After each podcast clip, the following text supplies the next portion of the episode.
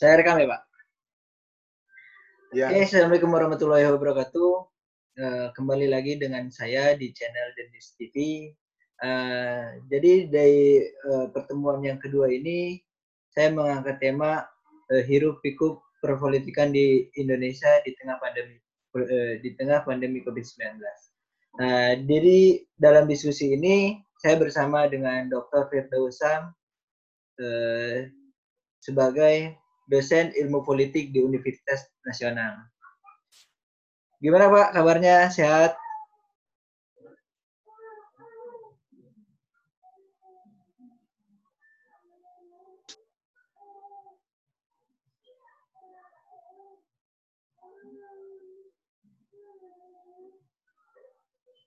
Gimana Pak?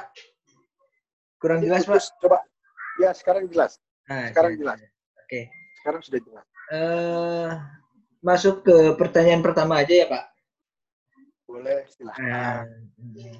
Uh, seperti yang kita tahu Pak, uh, bahwa pandemi COVID-19 ini sudah memakan uh, ribuan nyawa lah, baik di Indonesia maupun di luar Indonesia gitu kan. Uh, seperti kita, hmm, munculnya puluhan ribu puluhan ribu uh, nyawa di Indonesia maupun di luar Indonesia. Di, di, di luar negeri sudah ratusan ribu kan? Ya. Jadi eh, di tengah pandemi COVID-19 ini kan banyak fenomena yang terjadi kan. Penangannya penanganan COVID-19 terus eh, dinamika yang terjadi di dalam di dalam penanganan tersebut sehingga memunculkan nuansa-nuansa adanya konteks, kontestasi kontestasi politik di antara pemimpin-pemimpin daerah yang ditujukan untuk Pilpres 2024 nanti, Pak. Seperti munculnya eh, beberapa pihak yang menganggap bahwa pemimpin seperti Anies Baswedan, eh, Ridwan Kamil, terus Ganjar, nah itu kan banyak banyak yang menganggap bahwa yang salah satu lebih baik dengan yang salah satunya lagi gitu kan Pak. Uh, menurut Bapak nih, apakah terjadi fenomena-fenomena seperti itu uh, di dalam penanganan COVID-19 saat ini, Pak? Ya, terima kasih. Assalamualaikum warahmatullahi wabarakatuh. Waalaikumsalam warahmatullahi wabarakatuh. Pada Pak Saroni, ya, di news ini ya. Ya, Pak. Pertama, ya saya klarifikasi tadi supaya kita uh, punya pemahaman yang sama bahwa uh, korban daripada COVID-19 ini di Indonesia yang, yang wafat ribuan ya, betul ya, yeah. ribuan, yang terpapar puluhan ribu ya, di atas 40 ribu lebih ya. Sedangkan di dunia internasional sudah ratusan ribu ya, hmm. yang uh, wafat, yang meninggal, dan sudah mencapai jutaan ya yang terpapar ya. Uh, mohon dikoreksi.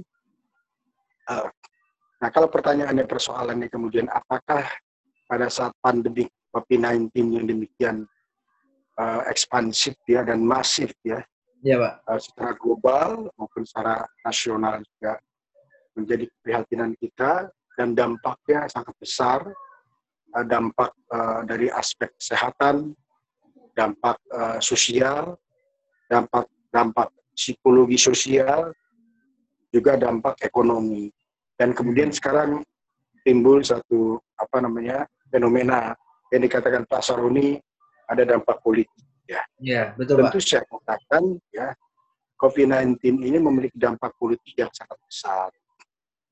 Dampak politik itu bisa kita lihat misalkan dari aspek uh, perlunya segera ada langkah-langkah kebijakan politik dari pemerintah dalam upaya penanganan COVID-19 ini ya.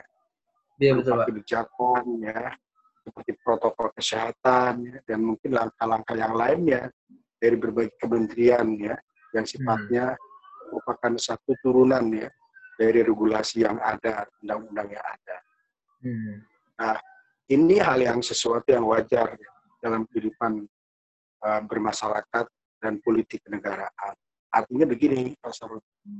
Kalau kita mengatakan uh, apakah korelasinya bisa dibenarkan dalam situasi darurat ini yang berkaitan dengan nasib kehidupan dan nyawa manusia, kemudian uh, melahirkan sejumlah aturan-aturan uh, yang ini bersinggungan dengan politik. Saya katakan yaitu wajar saja, wajar hmm. saja dalam arti tentu berbagai peraturan, keputusan ya, ya Pak. Uh, dan perundang-undangan yang lebih tinggi itu hmm. berkaitan hmm. dengan upaya menjawab, merespon persoalan yang langsung dirasakan oleh masyarakat dalam hal ini berkaitan dengan COVID-19 ya. ya. Itu wajar dalam keadaan darurat. Seperti halnya darurat perang misalkan.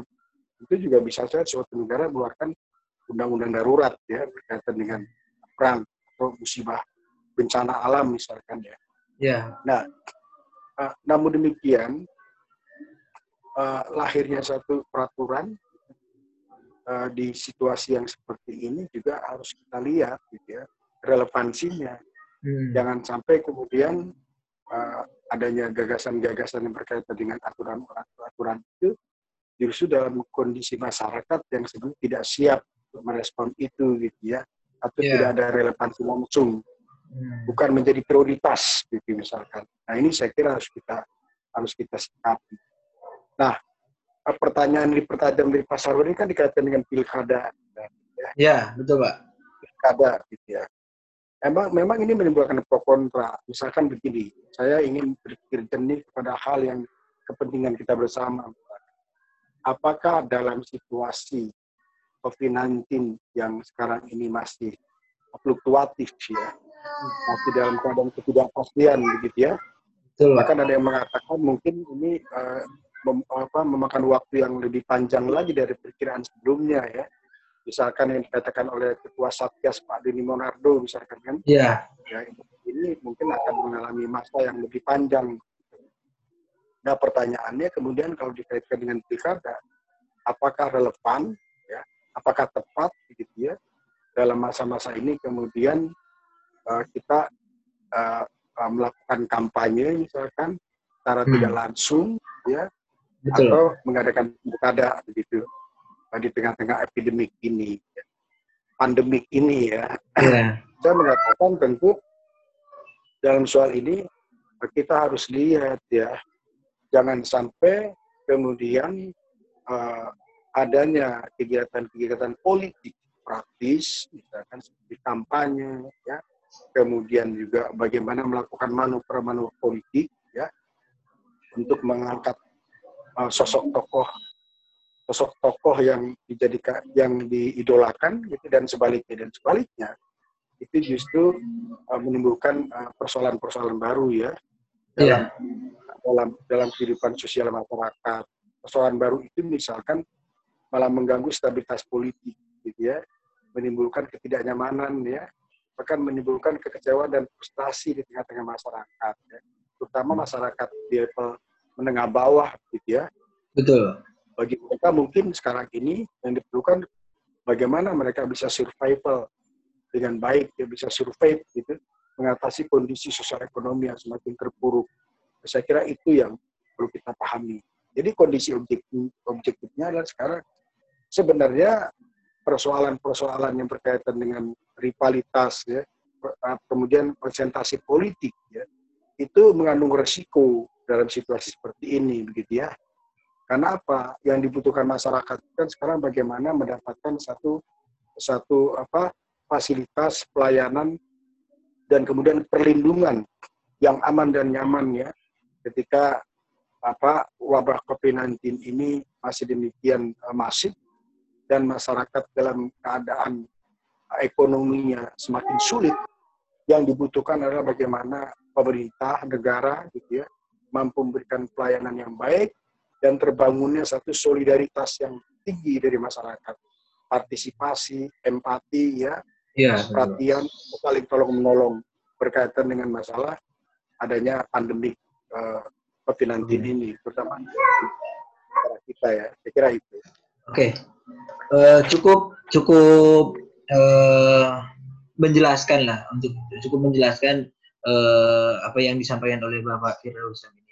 Oke, okay, untuk pertanyaan kedua Pak, uh, bagaimana Bapak melihat penanganan COVID-19 ini di dalam kacamata politik? Yang notabene Bapak ya. uh, sebagai ilmuwan politik. Gitu. dalam perspektif politik ya pemerintah kan mengambil langkah-langkah strategik sebenarnya ya. Hmm. Langkah strategik itu yang paling penting misalkan antara lain ya mengeluarkan protokol kesehatan. Hmm. Protokol kesehatan yang berstandar internasional ya. Iya. Sesuai yeah. dengan uh, petunjuk WHO ya.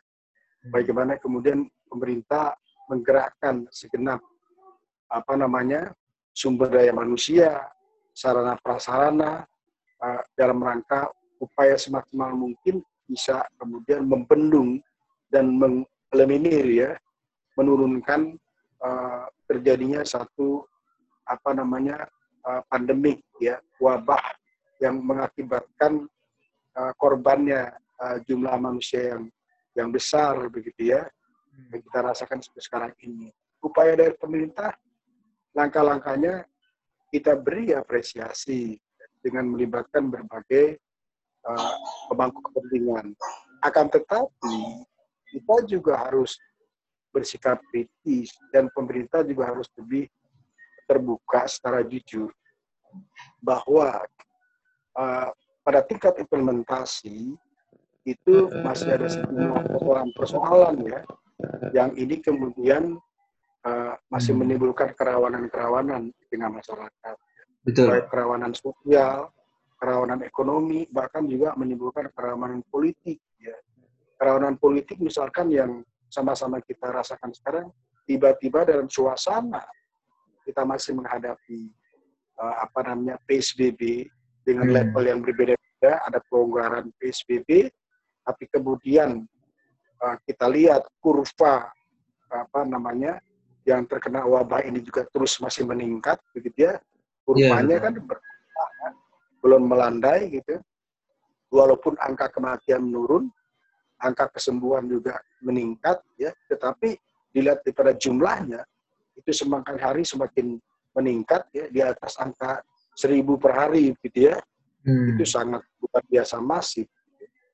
Nah tentu uh, kita sangat kecewa sangat prihatin pada saat yang bersamaan kemudian uh, di level politik kenegaraan dibahas RUU rancangan undang-undang yang sebenarnya itu menimbulkan kegaduhan-kegaduhan politik yang sangat luar biasa ya hmm. bagi kehidupan bermasyarakat dan bernegara di Indonesia. Ini saya Betul. kira kita sangat yang pertama. Ini aspek politik ya. Ini sensitivitas sensitivitas elit politik gitu. Sensitivitas teman-teman kita di partai dan di parlemen begitu. Ini memberikan kesan uh, dalam situasi seperti ini uh, terjadi suasana yang saling uh, bertolak belakang. Ketika masyarakat butuh pelayanan, butuh perlindungan, butuh kenyamanan, butuh keamanan, butuh ketenangan, butuh sebuah solidarity ya, apa yang disebut dengan semangat kolektivitas ya, semangat kolektivitas berjamaah gitu ya, seluruh bangsa Indonesia di berbagai elemen itu sebenarnya jangan diganggu oleh manuver-manuver politik ya, yang ini menimbulkan uh, apa uh, arah kepada pembelahan anak bangsa. Ini sangat hmm. berbahaya, saya kira. Oh iya iya. Ber uh, berarti uh, bisa dikatakan bahwa new normal ini belum tepat untuk dilaksanakan berarti ya Pak? Kalau misalkan dilihat dari perspektif ya. politik. Ya ini new, new normal ini kan si istilah ya. Hmm sebenarnya kita dalam keadaan tidak normal kan begitu kan ya. dalam keadaan belum normal gitu ya hmm. jadi sekarang kita seperti tersufing tersihir ya masyarakat di level bawah itu menangkap new normal ini kan seolah kita sudah normal gitu ya hmm. padahal kita belum normal ya kalau pengertian new normal ini normal baru itu harus dimaknai ini bahwa kita dalam keadaan tidak normal, maka kemudian dilahirkan sebuah treatment-treatment baru kan gitu ya. Yeah. Dalam rangka upaya kita mendapatkan perlindungan dalam menghadapi gelombang epidemik dan pandemik ini kan begitu. Hmm. Tapi kondisi objektif dalam kehidupan bermasyarakat berpolitik kita belum normal begitu ya, terutama hmm. dalam konteks uh, menghadapi pandemik uh, COVID-19 ini begitu ya. Yeah. Karena apa ya apa belum normalnya? Kita masih memperlakukan social distancing, kita masih juga melakukan physical distancing gitu. kita masih melakukan apa penyemprotan gitu ya. Gitu. Kita masih harus memberikan melakukan satu apa namanya melaksanakan protokol kesehatan secara maksimal begitu ya. Hmm. Nah secara lahiriahnya kita belum normal. Hmm. Jadi istilah new normal ini harus dijelaskan sebenarnya, disosialisasikan secara lebih lebih sederhana kepada masyarakat ya. Kesalahan memberikan sosialisasi menimbulkan satu apa kelalaian di masyarakat. Mereka hmm. beranggapan ah normal sehingga ada yang mengatakan sudah normal begitu ya. Nah apa yang kita kita uh, saksikan bersama-sama yaitu pelanggaran-pelanggaran masih terus berlangsung, disadari hmm. dan tidak disadari ya di tengah masyarakat. Betul. Oh, sekarang ini penting. Jadi di sinilah kemudian peran pemerintah ya dengan pemangku kepentingan harus melibatkan elemen masyarakat untuk menjelaskan bahwa kita sebenarnya belum normal. Ya, new normal itu artinya situasi di mana kita uh, sudah dibuka gitu ya, yang disebut hmm. pelonggaran PSBB gitu ya. Betul, Pak. Akan tetapi kita tetap gitu ya masih terkungkung oleh sejumlah protokol kesehatan yang harus yang tidak boleh diabaikan begitu ya. Begitu pula di di bidang ekonomi kan belum semua hmm. aktivitas ekonomi bisa dilaksanakan secara secara apa eh, secara apa normal ya secara secara wajar gitu dalam kegiatan ekonomi perdagangan begitu pendidikan gitu ya belum hmm. esensinya kan sebenarnya kita belum normal gitu ya oh iya Jadi, itu dalam makna seperti tadi, gitu ya.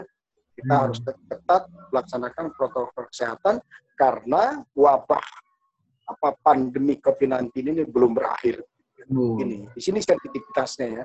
Di sini hmm. ada ada satu kondisi yang sebenarnya uh, ini masih menimbulkan uh, diskomunikasi ya, distorsi, distorsi pemahaman gitu ya. sehingga menimbulkan persoalan-persoalan dampaknya ke masyarakat sangat luas gitu ya. Ya betul. Uh, jadi bisa di bisa saya ambil uh, benang merahnya gitu kan bahwa ada PR yang harus diperbaiki oleh pemerintah salah satunya untuk ya. mengedukasi uh, apa sih new normal ini tengah para masyarakat gitu ya pak? Oke okay, oke. Okay. Ya yang pertama yang pertama perlu ada edukasi berkaitan dengan masalah penerapan new normal itu pasti. Hmm.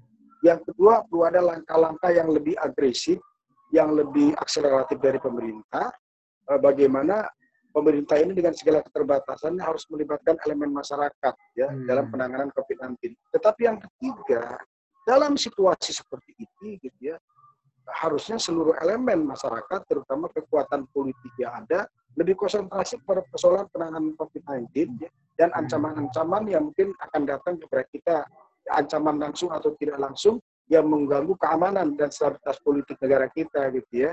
Betul, Pak. Jangan kemudian kita melakukan manuver-manuver yang sebenarnya itu belum prioritas bagi masyarakat ya.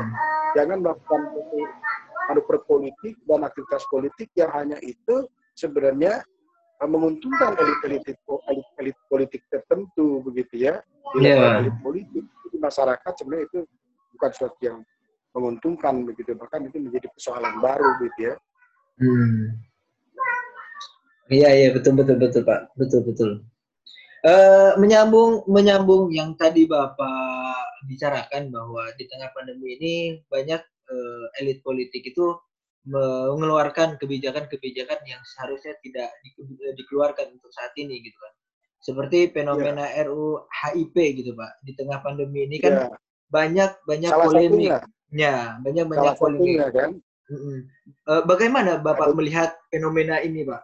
apakah memang sengaja dikeluarkan atau apakah memang dikeluarkan untuk meredam gitu kan, meredam masyarakat itu supaya tidak terlalu khawatir dengan fenomena COVID-19 COVID-19 uh, COVID-19 ini, Pak.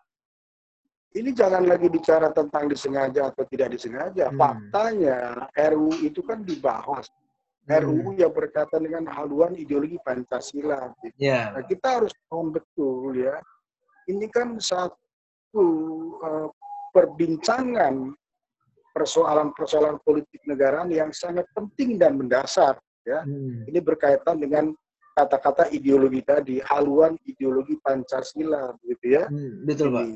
Nah, ya ini ini adalah kita bicara tentang bagaimana uh, kita kemudian me, me, meletakkan ideologi Pancasila ini kan dalam kehidupan berbangsa dan bernegara hmm. dan bagaimana mengimplementasikan begitu ya. Betul. Nah, ini kalaupun ini kemudian uh, dibincangkan uh, di tingkat hmm. uh, di tingkat nasional dan di tingkat masyarakat, ini perlu pembahasan pembahasan yang sangat serius melibatkan hmm. seluruh elemen masyarakat. Hmm. Ini tidak hanya melibatkan keterwakilan partai politik di parlemen, ya. Hmm. Persoalan ideologi negara ini persoalan seluruh hajat hidup warga negara Indonesia, bukan hanya uh, apa partai politik begitu ya. Hmm, betul, nah, betul. kalau ini pun dibicarakan, pertama adalah apakah persoalan ini menjadi persoalan prioritas dalam situasi COVID-19 hmm. ini begitu kan? Apakah itu prioritas yang pertama ya? Saya betul. mengatakan bukan prioritas, bukan prioritas sebenarnya. Prioritas itu sekarang bagaimana mengembalikan ya psikologi masyarakat, bagaimana menumbuh kembangkan kembali kesadaran sosial masyarakat, ya kolektivitas masyarakat, bagaimana memulihkan kesehatan masyarakat, bagaimana memulihkan kesehatan ekonomi bangsa hmm. Indonesia ini akibat dampak dari pandemi COVID-19. Itu yang prioritas. Hmm. Sedangkan bicara soal ideologi, itu pertama dalam situasi seperti ini, saya katakan ini bukan prioritas. Ini malah hmm. menimbulkan kegaduhan politik. Apalagi Kemudian kita bicara substansi dari RUU. Hmm. HIP tadi, Betul. di Pancasila ya. Saya kira ini hmm. jadi persoalan begitu. Persoalan yang sekarang mau demikian menggelombang ya. Bahkan menimbulkan satu kecurigaan-kecurigaan yang sangat mendasar apa yang melatar belakangi kemudian RUU ini dibahas dalam situasi seperti ini Hmm. dan masyarakat tidak dilibatkan secara maksimal elemen masyarakat. Apa hmm. buktinya? Yang saya katakan tidak dilibatkan maksimal. Ternyata yeah. menimbulkan reaksi yang bergelombang hmm. dari berbagai elemen masyarakat. Dan ini persoalan yang mendasar. Kemudian apa yang dikatakan? Perdebatan-perdebatan tentang substansi dalam HIP ini. Ini kan menimbulkan polemik baru ya. Persoalan Betul. Pancasila kan sudah nah persoalan Pancasila sebagai dasar negara ya sebagai ground sebagai norma besar, sebagai sebagai filis, apa, filsa, filosofi atau disebut sebagai filsafat bangsa Indonesia atau dasar hmm. negara Indonesia. Pancasila sudah clear ya. Pancasila, Betul. Pancasila sudah clear dengan lima sila itu. Sudah clear gitu. Sudah, Jadi sudah final. Ya, ya, sudah final itu ya. Hmm. Jadi timbul pertanyaan yang mau dibahas apa? Kalau mau dibahas implementasinya, itu harus mendengarkan aspirasi berbagai elemen masyarakat. Ya. Implementasi itu kan bagaimana menderivasi hmm. sila-sila yang ada di Pancasila itu supaya lebih uh, lebih bersifat uh, apa uh, konkret ya, Betul. lebih bersifat fungsional, lebih bersifat implementatif ya. Hmm. Itu Un, di level undang-undang kan seperti itu ya. Er, hmm. Rancangan undang-undang ini kan ya, yang nantinya akan jadi undang-undang misalkan ya. Betul betul. Itu dibahas ya. Itu. Bukan bukan kemudian mendegradasi bukan mendegradasi pancasilanya. Pancasila hmm. jelas sudah final dan itu lima sila. Ya, jadi nggak perlu didegradasi di, di, di, menjadi diturunkan atau dalam kondisi terkesan jadi diturunkan begitu ya. Hmm. di mana karena ini diatur oleh uh, undang-undang dalam bentuk rancangan undang-undang begitu ya. Dalam bentuk rancangan undang ya yang kemudian menimbulkan tafsir-tafsir yang menimbulkan masalah besar ya. Sehingga ini kedudukan rancangan undang-undang ini kalau menjadi undang-undang menjadi persoalan juga ini ya. Begitu kan? Ini, oh ini bagaimana positioningnya dari dari hasil pembahasan substansinya dengan dengan derivasi implementasi dari Pancasila yang sudah ada dalam Undang-Undang 45 sebagai sebagai turunannya itu ya. Itu kan batang tubuh Undang-Undang 45 itu kan bagian daripada penjabaran dari Pancasila gitu ya. Kalau Pancasila itu sebagai political doctrine, doktrin politik, ya, maka Undang-Undang Dasar 45 sebagai political formula, sebagai rumusan politik ya, rumusan penjabaran daripada Panca Pancasila. Ya. Kalau ada penjabaran-penjabaran yang baru ini menjadi persoalan. Bagaimana kedudukan undang-undang yang baru ini kalau sebuah RUU ini jadi undang-undang itu baru satu persoalan ya. Yang kedua kan menimbulkan persoalan kemudian berkaitan dengan bagaimana posisi TAP MPR gitu.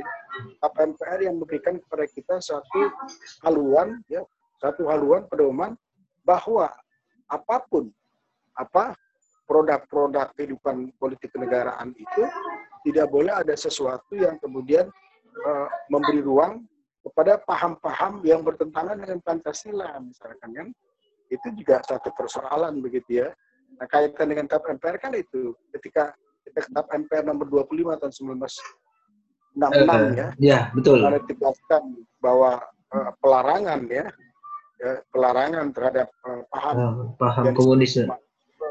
Komunisme dan Leninisme dan dan dan tentu dengan segala mantel-mantelnya gitu ya. Maka konsekuensinya TAP MPR itu masih berlaku kan. Dia Betul. harus jadi bagian bagian daripada uh, apa payung hukum ya hmm. dalam tata urutan uh, apa perundang-undangan di negeri ini ya untuk kemudian uh, menjadi guidance bagi bagi undang-undang di bawahnya begitu. Hmm. Nah ini batan kan sehingga timbul menimbulkan penolakan yang berkembang dari berbagai elemen masyarakat dan itu merupakan suara mayoritas besar bangsa Indonesia ya yang mereka memang Pancasila itu sesuatu, sesuatu yang sudah final gitu ya jangan hmm. jangan menimbulkan penafsiran-penafsiran yang bisa mengaburkan gitu ya. bahkan yang kontraproduktif produktif bagi kehidupan bangsa Indonesia, baik yang berkaitan dengan sila yang pertama Tuhan Maha Esa maupun sila-sila kedua, ketiga, keempat, dan kelima ya. Ini penting sekali gitu. Jadi sangat sangat apa kita harus betul-betul memahami betul bahwa reaksi gelombang di masyarakat sekarang ini itu bukan bukan kepentingan kelompok politik tertentu ya, hmm. tapi ini merupakan bagian dari suara hati nurani bangsa Indonesia ya tentang masalah Pancasila yang memiliki lima sila ini ada sesuatu yang sudah final begitu ya sesuatu yang sudah final kedudukannya sudah jelas gitu ya ya bagaimana kemudian ini dirawat dijaga dan tidak ada ruang sedikit pun terhadap isme-isme yang bisa hidup yang itu bertentangan dengan Pancasila. Pancasila.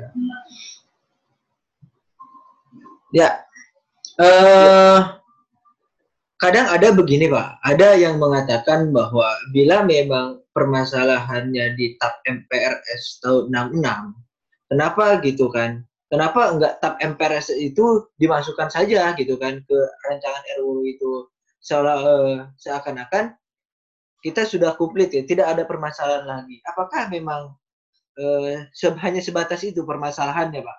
Kita masukkan uh, TAP MPRS tahun 66 sudah sudah clear lah itu kan. Karena memang ada yang mengatakan hanya itu gitu kan permasalahannya pak. Ya.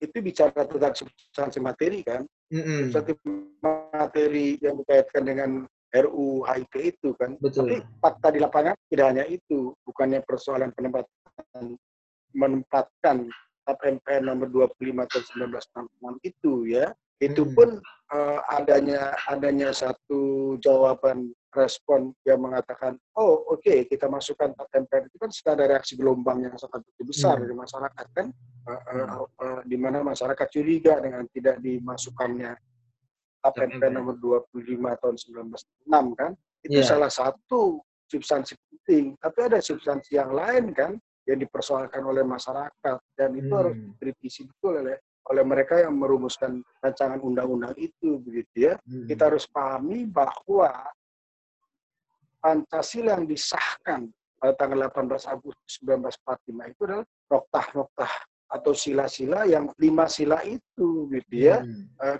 clear, final, tidak ada lagi satu apa terjemahan-terjemahan yang kemudian uh, menimbulkan uh, apa menimbulkan uh, apa perdebatan menimbulkan tanya tanda tanya besar dan berkesan uh, mengecilkan ya mengecilkan mengurangi begitu ya kemudian uh, menimbulkan tafsir-tafsir baru sebagai hmm. sebuah dasar negara ya hmm. saya kira titik lima sila itulah kemudian nah kalau kita lihat seperti itu yang terjadi di RUU HIP kan tidak seperti itu kan. Betul. Kemudian ada pandangan tentang Trisila dan Ekasila begitu kan.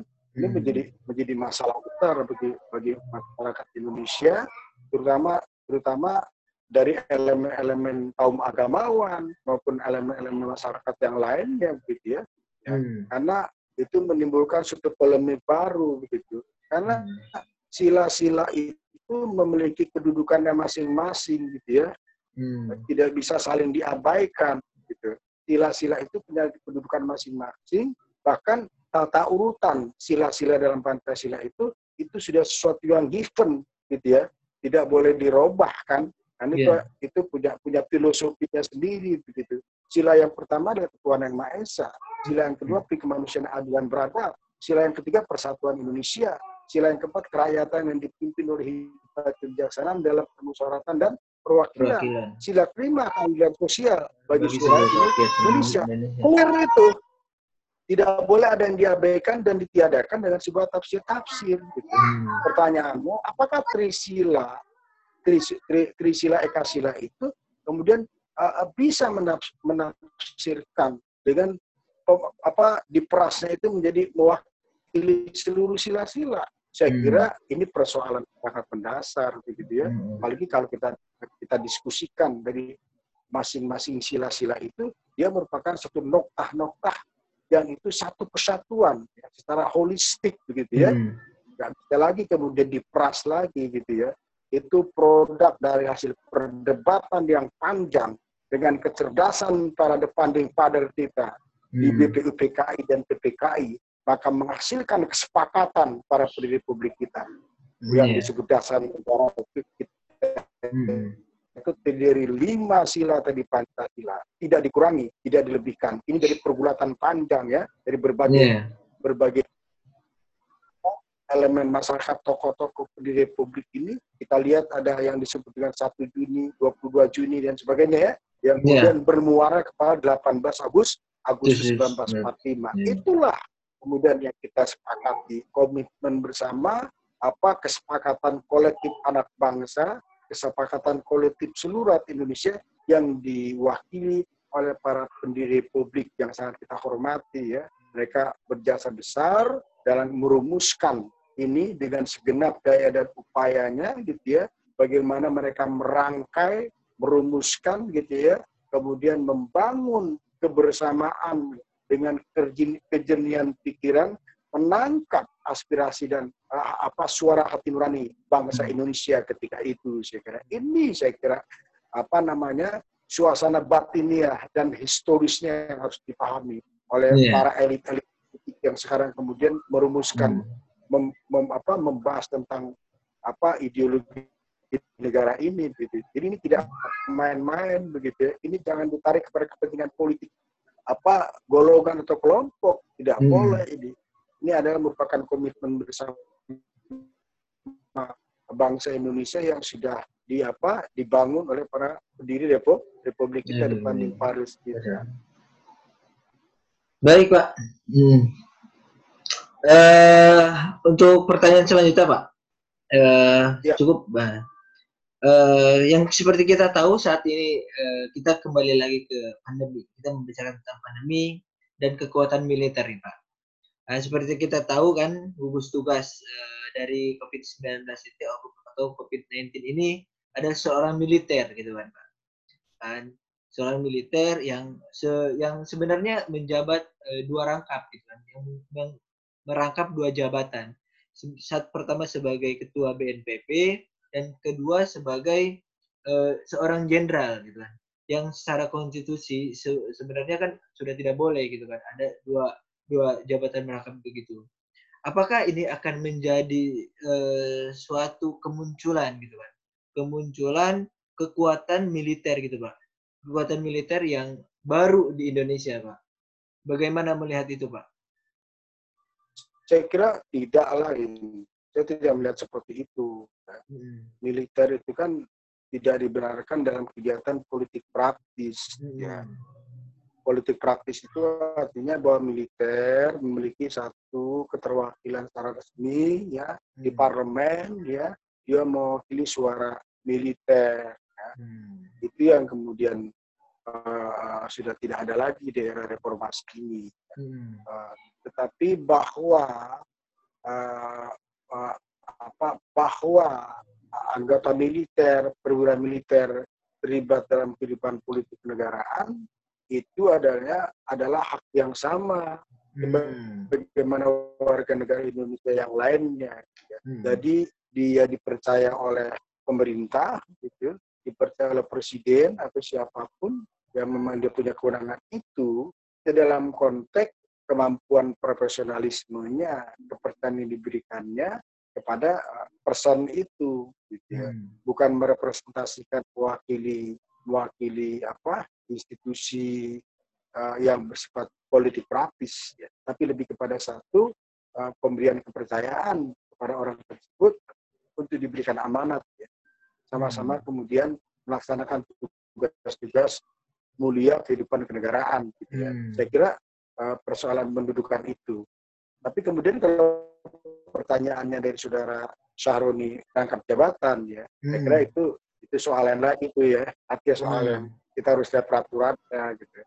Presiden mengeluarkan seperti itu dibenarkan atau tidak oleh peraturan kan begitu ya. Hmm. Tapi kalau pertanyaannya apakah dengan uh, diberi kedudukan posisi seperti itu militer masuk kembali masuk dalam uh, kehidupan politik praktis saya kira tidak hmm, tidak tidak itu lebih kepada person ya yaitu hmm. person ya yang diberi kepercayaan oleh oleh negara begitu hmm. ya siapa pun yang diberi kepercayaan oleh pemerintah kita harus melihat selama itu tidak melanggar undang-undang itulah yang terbaik ya di, di hmm. menurut pemerintah ya pemerintah dalam hal ini presiden gitu dia punya hmm. program mengangkat itu selama itu sesuai dengan peraturan per undang-undangan dan setiap warga negara punya kedudukan yang hak yang sama ya punya hak dan kewajiban ya yang sama untuk kemudian berpartisipasi dalam kehidupan politik kenegaraan ya.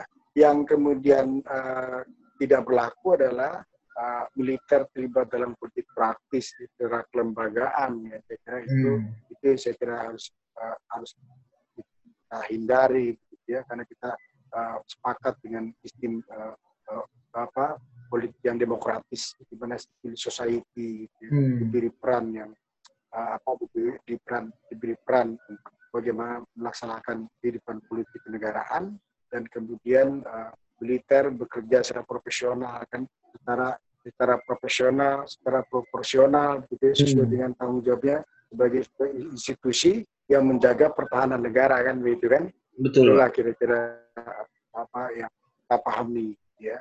Kira itu uh, baik pak ba halo ya ya uh, untuk pertanyaan pamungkas pak untuk pertanyaan terakhir uh, ya. uh, jadi Uh, dari uh, dari perspektif ilmuwan nih pak, dari perspektif ilmuwan, apa harapan bapak ya. gitu kan sebagai ilmuwan uh, kepada pemerintah dalam menangani COVID-19 ini pak? Biasa kita warning lah. Saya hmm. menyampaikan kepada pemerintah bahwa ada dua hal yang menjadi warning kita, peringatan kita. Dalam hmm. situasi terjadinya pandemi COVID-19 ini, maka segenap elemen pemerintah, kekuatan-kekuatan sosial politik di pemerintahan negaraan ini, ya, apakah eksekutif, legislatif, dan sebagainya, harus lebih sensitif dan peka terhadap keadaan suara hati nurani rakyat Indonesia. Hmm. Jangan sampai dalam situasi ini kemudian uh, ada langkah-langkah yang bersifat politik gitu ya, termasuk kerja-kerja penyusunan rancangan undang-undang ya yang itu hmm. mungkin belum prioritas atau menimbulkan kegaduhan dan ini sangat sangat sangat tidak sehat dalam membangun kehidupan politik dan demokrasi masyarakat hmm. Yang kedua adalah bahwa epidemik ini belum berakhir. Epidemik COVID-19 ini. Ya.